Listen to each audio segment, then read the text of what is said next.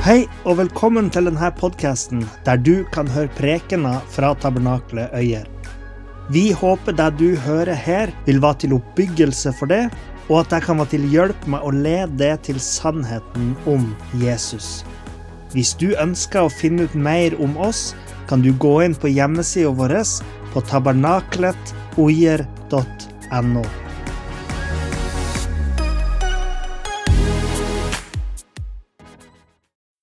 Dere vet jo det at Absalom han var jo sønn til eh, far sin. Og han var vel eh, eslet til å ta over som konge når faren eh, døde på normalt vis. Men han ville gjerne være litt eh, føre og prøvde med statskupp. Og det er ikke noe særlig.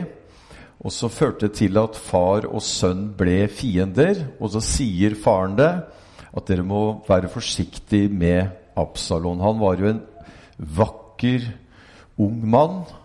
Han hadde i alle disse barnebiblene jeg har lest, så hadde han jo eh, vi, vi, som begynner å miste håret, da, vi, vi misunner Absalon dette fantastiske, krøllete, tjukke håret som faktisk ble hans bane.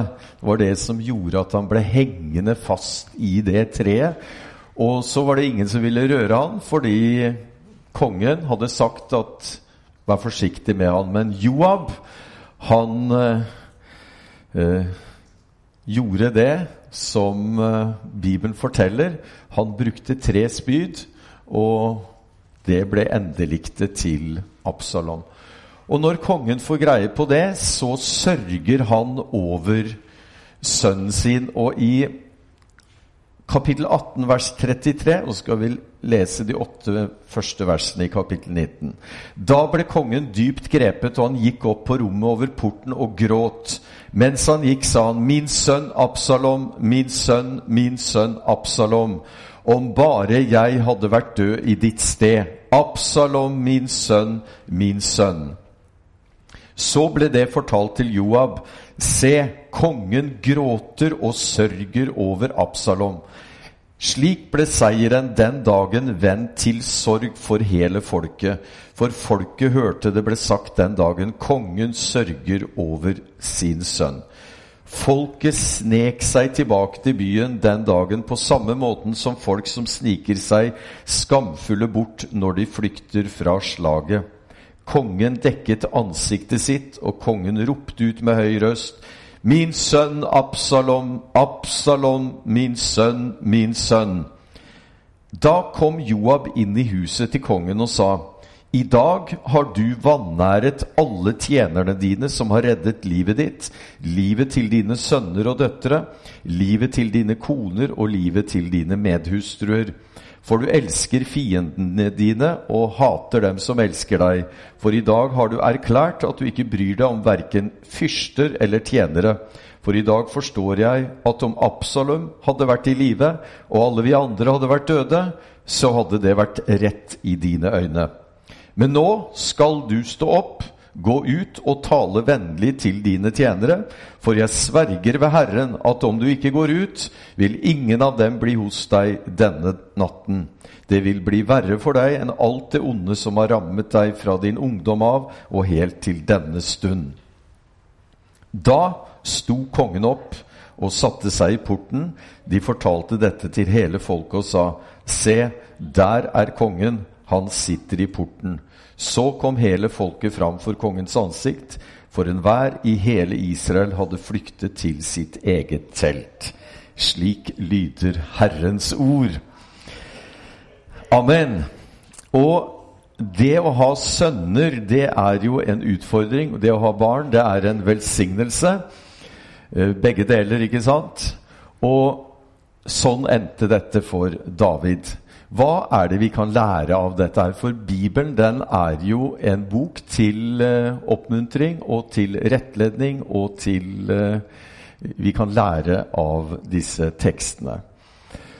David, han uh, Jeg så her i går den videosnutten som pastoren har laga om David og historien hans. Og på mange måter er jo Og Det er helt riktig at David er et uh, bilde når han er hyrdekongen, så er han et bilde på Kristus. Det vi leser her i dag, viser at David han er et menneske. Han er uh, lik oss også, ikke bare lik Jesus. Og det som ligger vårt hjerte veldig nær, hvis du har barn, så er det hvordan kommer det til å gå med barna våre. Og er du troende, er du en kristen, så er det noe som hele livet uh, jeg vil ikke si bekymrer deg, kanskje, men du er opptatt av at det skal gå bra med barna dine.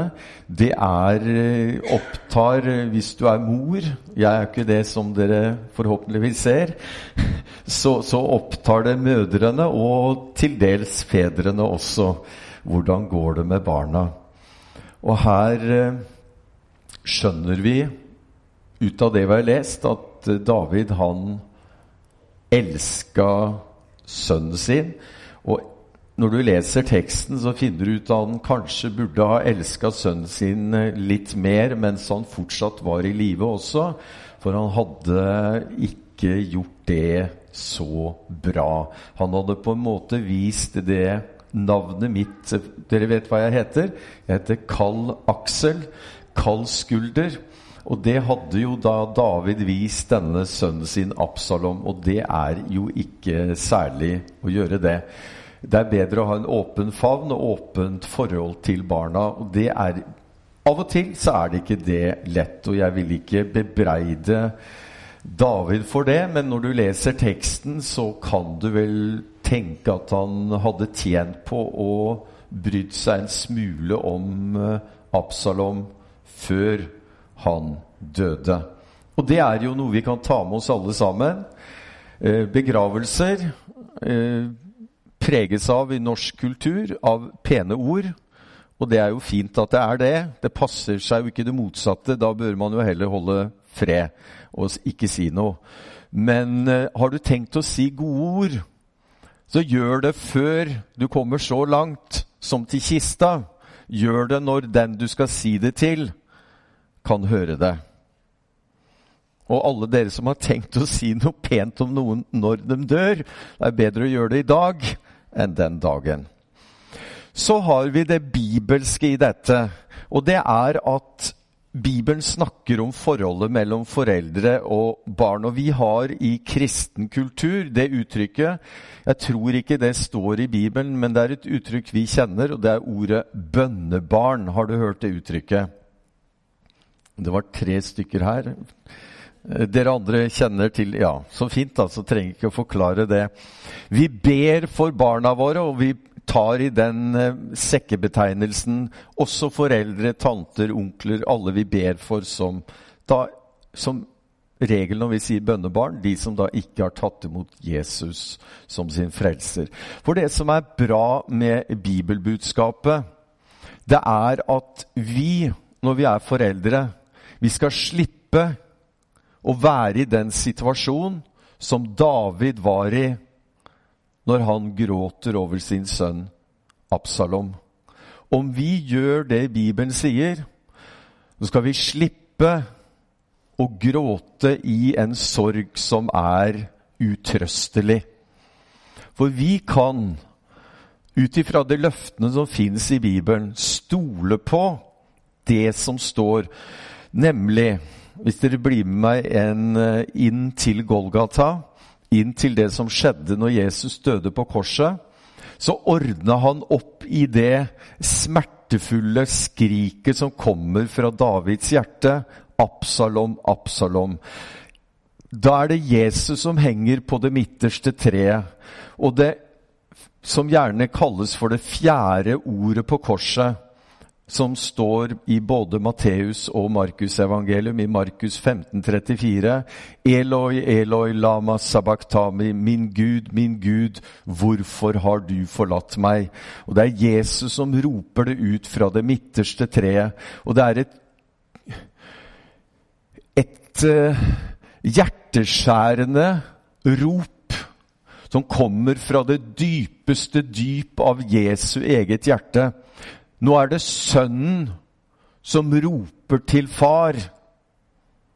Han som alltid sa, 'Jeg takker deg, far, jeg takker deg at du alltid hører meg når jeg ber.' Nå sier han 'min Gud'. Han tar ikke engang ordet 'far' i sin munn som sønn. Men fordi han er blitt gjort ett med våre synder, med all verdens synd, så er det som om Gud selv snur ryggen til sønnen sin, og han opplever kulden. Han opplever avstanden. Han opplever synden i all sin gru og elendighet og forbannelse der han henger på korset og roper ut 'Min Gud, min Gud, hvorfor har du forlatt meg?' Og Paulus sier han smakte døden for oss alle. Og han sier også han ble gjort til synd for oss. Og det er Jeg tror ikke at du greier Kan hende du greier det, men jeg tror faktisk ikke vi greier å forstå hva som ligger i det. Paulus sier han ble gjort til synd. Ikke bare at han tok en Jeg har en sekk her og kan vise det. Av og til så snakker vi om at Jesus tok synden som om han tok bare en sekk. Som han lett og enkelt tok sånn, og når som helst kunne bare sette fra seg på den måten her, som den enkleste sak av verden. Det var ikke sånn. Han, hver eneste celle, ble influert. Det er som kreft er en grusom sykdom. Og du har hørt når folk sier at han eller hun har fått spredning i hver eneste celle, hver eneste krok av kroppen. Du kommer ikke unna. Så er døden i cellene pga. kreften. Sånn var det for Jesus. Overalt var synden. Var skjønner du? Var umulig. Det spiste han opp. Gnog i han. Hvilken synd? Min synd. Karl Aksel. Neimen, så ille var Det er det Bibelen sier. Og så roper han ut det ropet som forteller om avstand, om død. Og litt nå under Vi smaker jo litt av dette her under koronatiden. Vi får jo beskjed av til og med FHI, Folkehelseinstituttet, og hun Camilla Stoltenberg at vi må ha i hvert fall én vi kan susse på og sånn, for det er ikke bra å være aleine. Ikke sant? Men synden gjør oss alene. Men så er det Golgata-verket. Det slutter ikke med det fjerde ropet, det fjerde ordet. Det slutter med Det er fullbrakt. Det er gjort ferdig. Det er bygd en bro. Og du ser kroppen min, som ikke er så veldig mye å skryte av. Den er jo ikke dårlig, da, men da ser du korset. Jeg husker første gang noen lærte og underviste oss om det. Det var Emanuel Minos. Du har korset her også. Så har du det der. Å forsyne meg. Hvis jeg kunne tatt ut en av cellene og lagt det under elektronmikroskopet, vil du se at i hver eneste celle i hele kroppen min så fins det disse mitokondriene, tror jeg. De et, lager et kors i våre hver eneste celle. Vi er merka med korset. Du kan rømme, prøve å rømme ifra det. Er ikke mulig.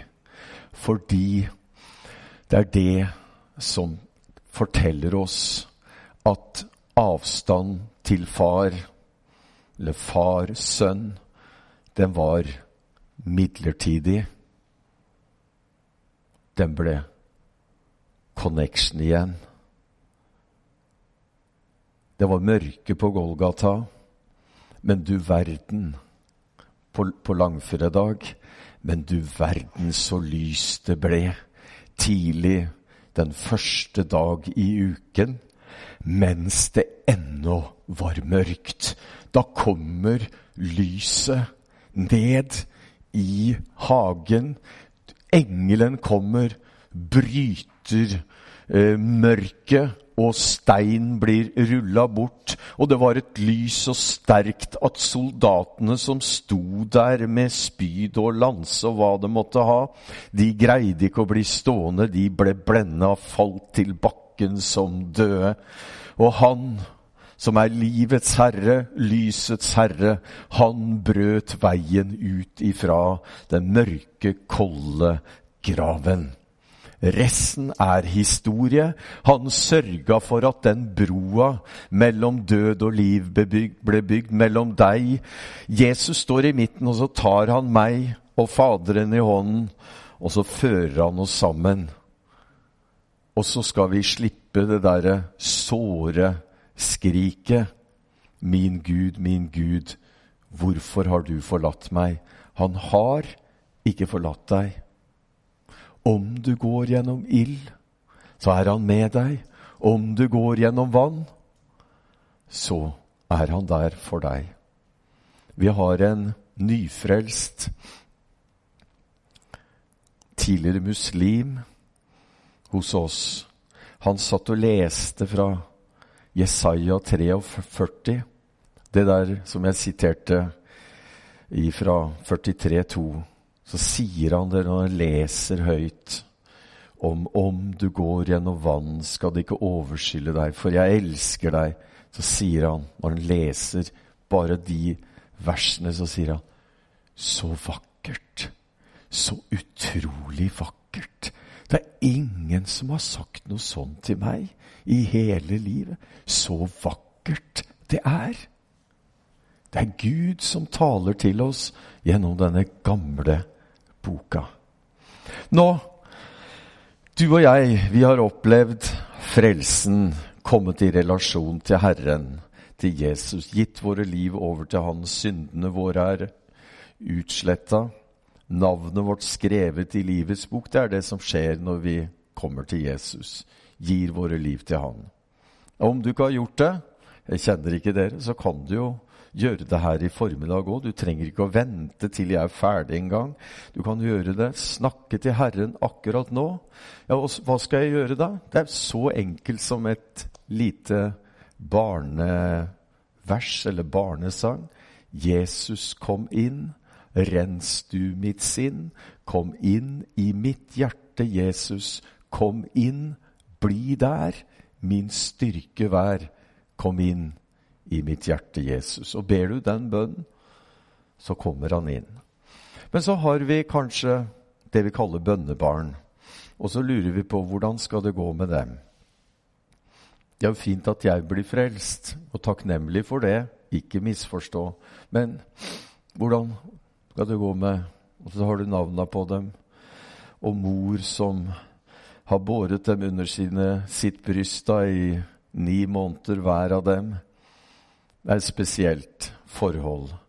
Og ingenting smerter mer enn når gullgutten og gulljenta og drømmen, ikke sant Kanskje alt er bra, jobb og alle ting, men kanskje det forholdet med Jesus ikke er i orden. Så ber du, også lure på hva har jeg gjort feil. Hva har jeg gjort feil i oppdragelsen? Og så tenker man og graver seg ned og sånne sorte hull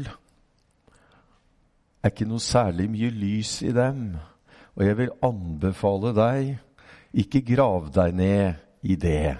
Ikke prøv å finne svaret i ditt eget hjerte. Når du opplever sånt, og den onde gjerne plager deg og forteller deg hvor dårlig mor du har vært, eller hvor dårlig far du har vært, så er det ett én ting jeg vil si til deg. Gå til denne boka og finn trøst i den. Du finner ikke trøst i din egen tilkortkommenhet, for den onde vil helt sikkert greie å fortelle deg hvor udyktig du var i forhold til alle de andre du sammenligner deg med. Ikke gå der. Vær så snill. Hvor skal du gå? Du skal gå dit hvor du fant fred da du la dine synder av til korset. Du fiksa ikke syndene heller. Hvor mye greide du å frelse deg selv? Ingenting.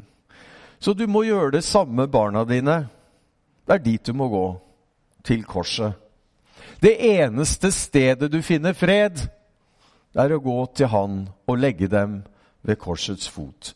Og så må du rope til Han som kan og som vil frelse. For når vi skal ha bønnesvar, så sier Bibelen én ting.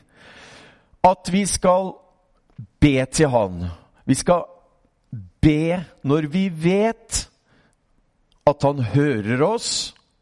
Da vet vi at vi har fått svar på våre bønne, eh, bønnerop, sier Johannes i 1. Johannes brev kapittel 5.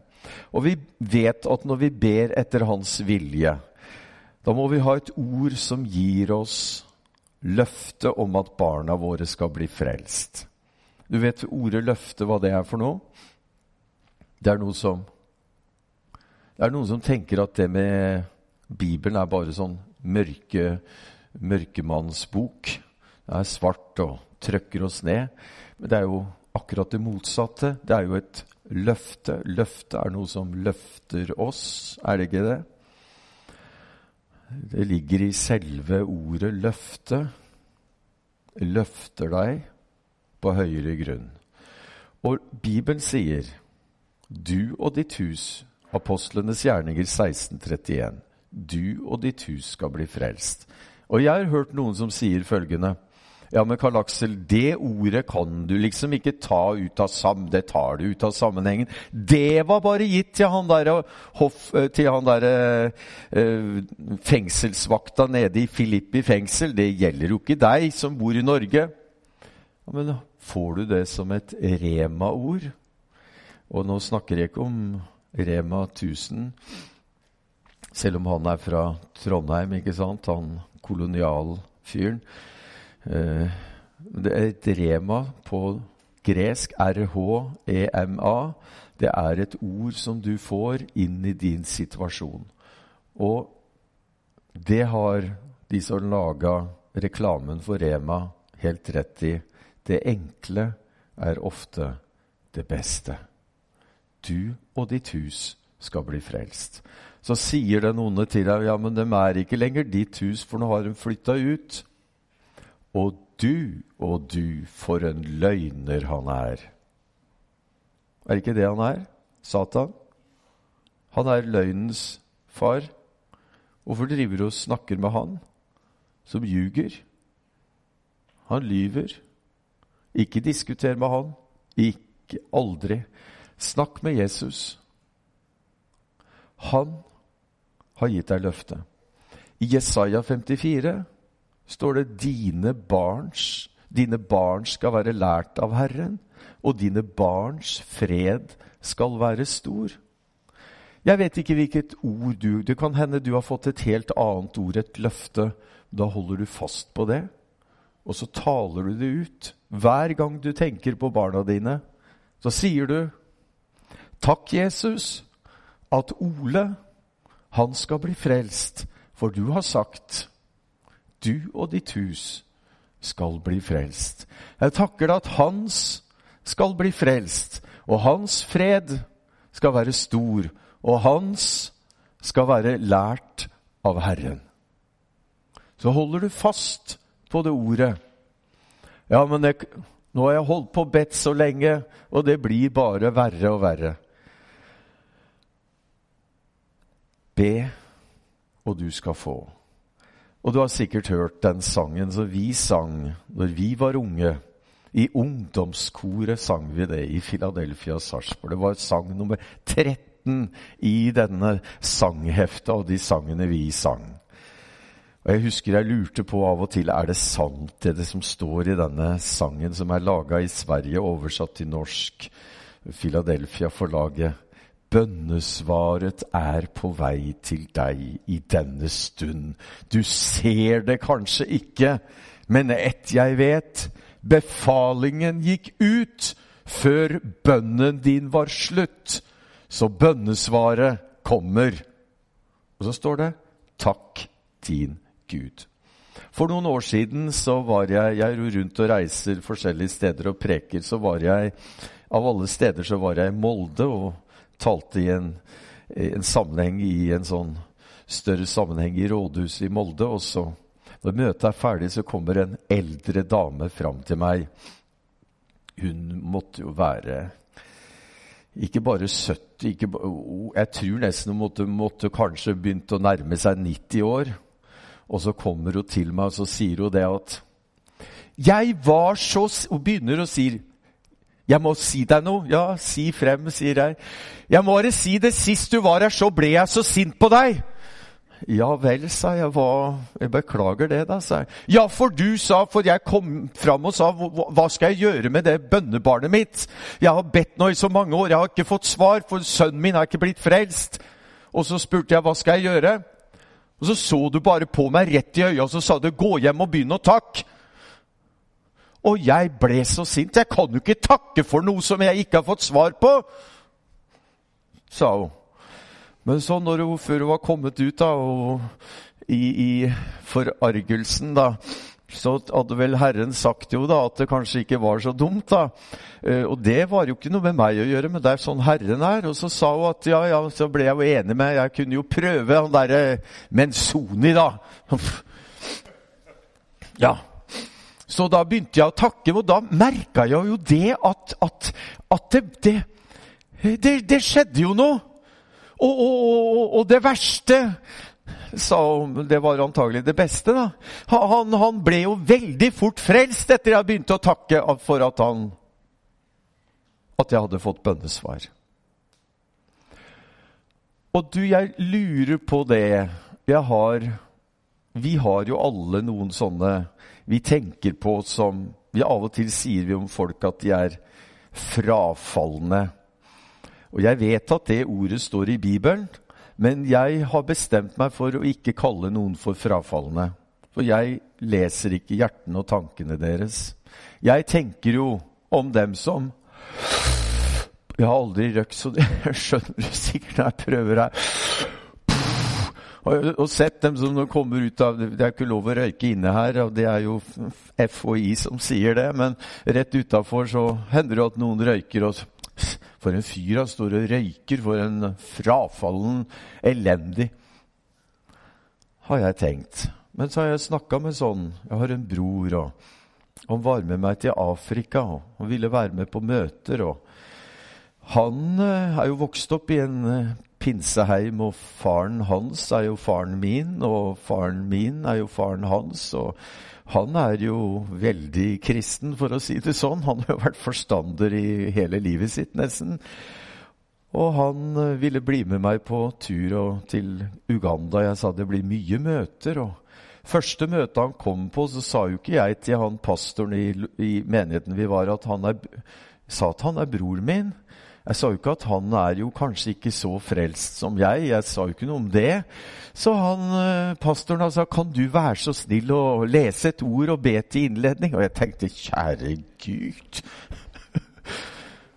og det gjorde han forsyne meg òg. Og når da møtet var ferdig, så går vi ute litt, og han var jo så Da måtte han ta seg en røyk da, broren min, og så jeg måtte forte meg å si til han Pastoren han er ikke medlem i menigheten min, for da ville han jo trodd at vi var helt ute å kjøre, da. Skjønner du hvordan kultur er? Men poenget mitt er, og han har jo sagt det noen ganger, vet du, men når vi har snakka om evige ting, han broren min at men vår far Og da snakker han ikke om Herman, som min jordiske far heter, og hans jordiske far. Men snakk om han. Vi, når vi snakker, kan ekskludere og lage avstand til de som vi gjerne vil vinne, ved at det er vi og dem. Men når jeg snakker med han som om han er som meg, så drar jeg han inn i fellesskapet. Skjønner du hva jeg mener? Ikke klag på at barna dine ikke er så kristne på den måten du ønsker. Snakk til dem som om de skjønner hva det dreier seg om. Og så hvis du har noe hjertesukk, og hvis det er noen hellig ånd leder deg til, så be om at du får si det på en så kjærlighetsfull måte som bare Gud kan gjøre det. Forstår du hva jeg sier? Og la dommen tilhøre ham. Ja, men tenk om han ikke blir frelst? Ja, men når du ber, så må du tro at han eller hun blir frelst. Og hva er tro, da? Tro er full visshet om det du håper. Håper du ikke at de skal bli frelst, da? Jo, det gjør du jo. Men det er ikke sikkert om jeg tror, sier du. For noen har gjort tro litt sånn vanskelig. Det er sånn eliteklasse. Vi andre er bare sånn vanlige kjøkkenteologer, som noen kaller det. Du, når du håper, du håper jo på det. Det er jo derfor du ber. Ellers hadde du ikke bedt. Så når du håper Tro er full visshet om det du håper. Så da tror du jo òg. Halleluja. Og når du tror på noe Gud er enig i, da får du bønnesvar. Har jeg rett, eller står jeg her og kaster blår i øynene på deg? Er det det Bibelen sier? Gå hjem og les boka sjæl, da. Det står han vil at alle skal bli frelst. Og det er ikke du og det er ikke jeg som frelser dem. Det er jo han. Jeg kan verken åpne eller lukke himmelporten. Jeg kan kanskje greie å lukke den for noen. Gud hjelpe meg. Men det er han som har åpna den på vid gap da han døde på Golgata. Og vi hjelper står sammen med Herren. Han, og det står følgende i Filippebrevet 2,13. Hør på dette her, da. For, for, da kommer jo ja, men Gud respekterer vår frie vilje, og hvis de ikke vil, så nøtter ikke hva jeg vil. Ja, hør her, da. Oi, oi, oi. Galaterne, Efeserne, Filipperne 2,13 skal vi se. Skal vi lese det. For det er Gud som virker i dere, både å ville Skjønner det? Når du ber, da har du makt med Gud, og da har du flertall. Det er bare et tidsspørsmål før du kommer til å se det med dine egne øyne. Og det er én ting som er tindrende klart. At om du fortsetter å banke på himmelporten for barna dine, så skal ikke du være der sånn som David var Absalom, eller du roper 'min sønn' ved en grav. Men du skal vite det. Om du skulle til og med De skulle dø før deg. Én ting vet jeg. Men vi gikk hjem til Jesus. Og når vi kommer til himmelen, så kommer vi ikke til å si det jeg sier nå, for vi er i himmelen. Men hadde vi vært sånn som vi er nå, så tror jeg mange ville ha sagt Du store, nå ble jeg overrasket. Er du her, da? Det hadde jeg ikke regna med. Og det er jo det som er problemet vårt når vi ber. Liksom blir Nei, det, vi, vi, vi, slenger ut en bønn for han eller henne, men jeg tror all, det kommer jo ikke Det kommer jo til å skje, det du ber om! Jeg mener, Hvis du virkelig ber, så kommer det til å skje. Det er bare et tidsspørsmål. Og du kommer til å se dem, og du kommer til å si det når du er der i himmelen. Her er jeg! Halleluja!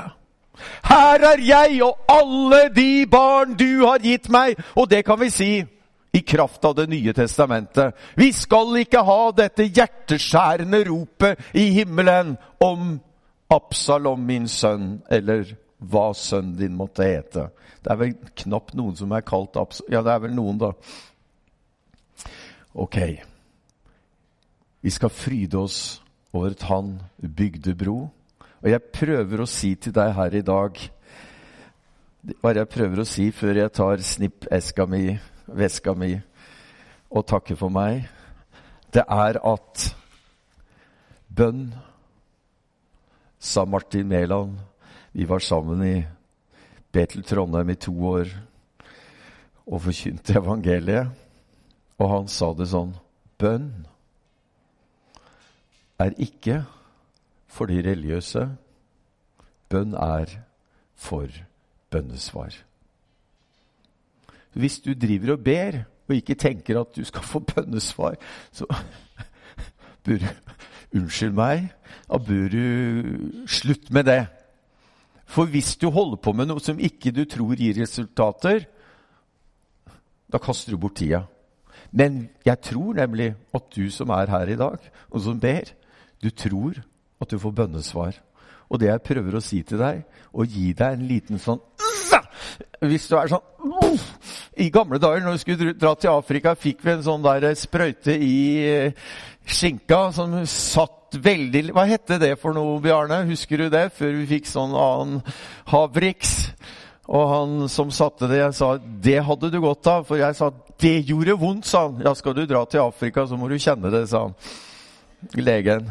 Og jeg prøver å gi deg en injeksjon av bønn er for bønnesvar! Halleluja! Og, du, og, jeg vil at du Kan jeg spørre kan, dere si sammen med meg? Jeg og mitt hus skal bli frelst. Kan du si det? Én, to, tre. Jeg og mitt hus skal bli frelst! Tror du på det?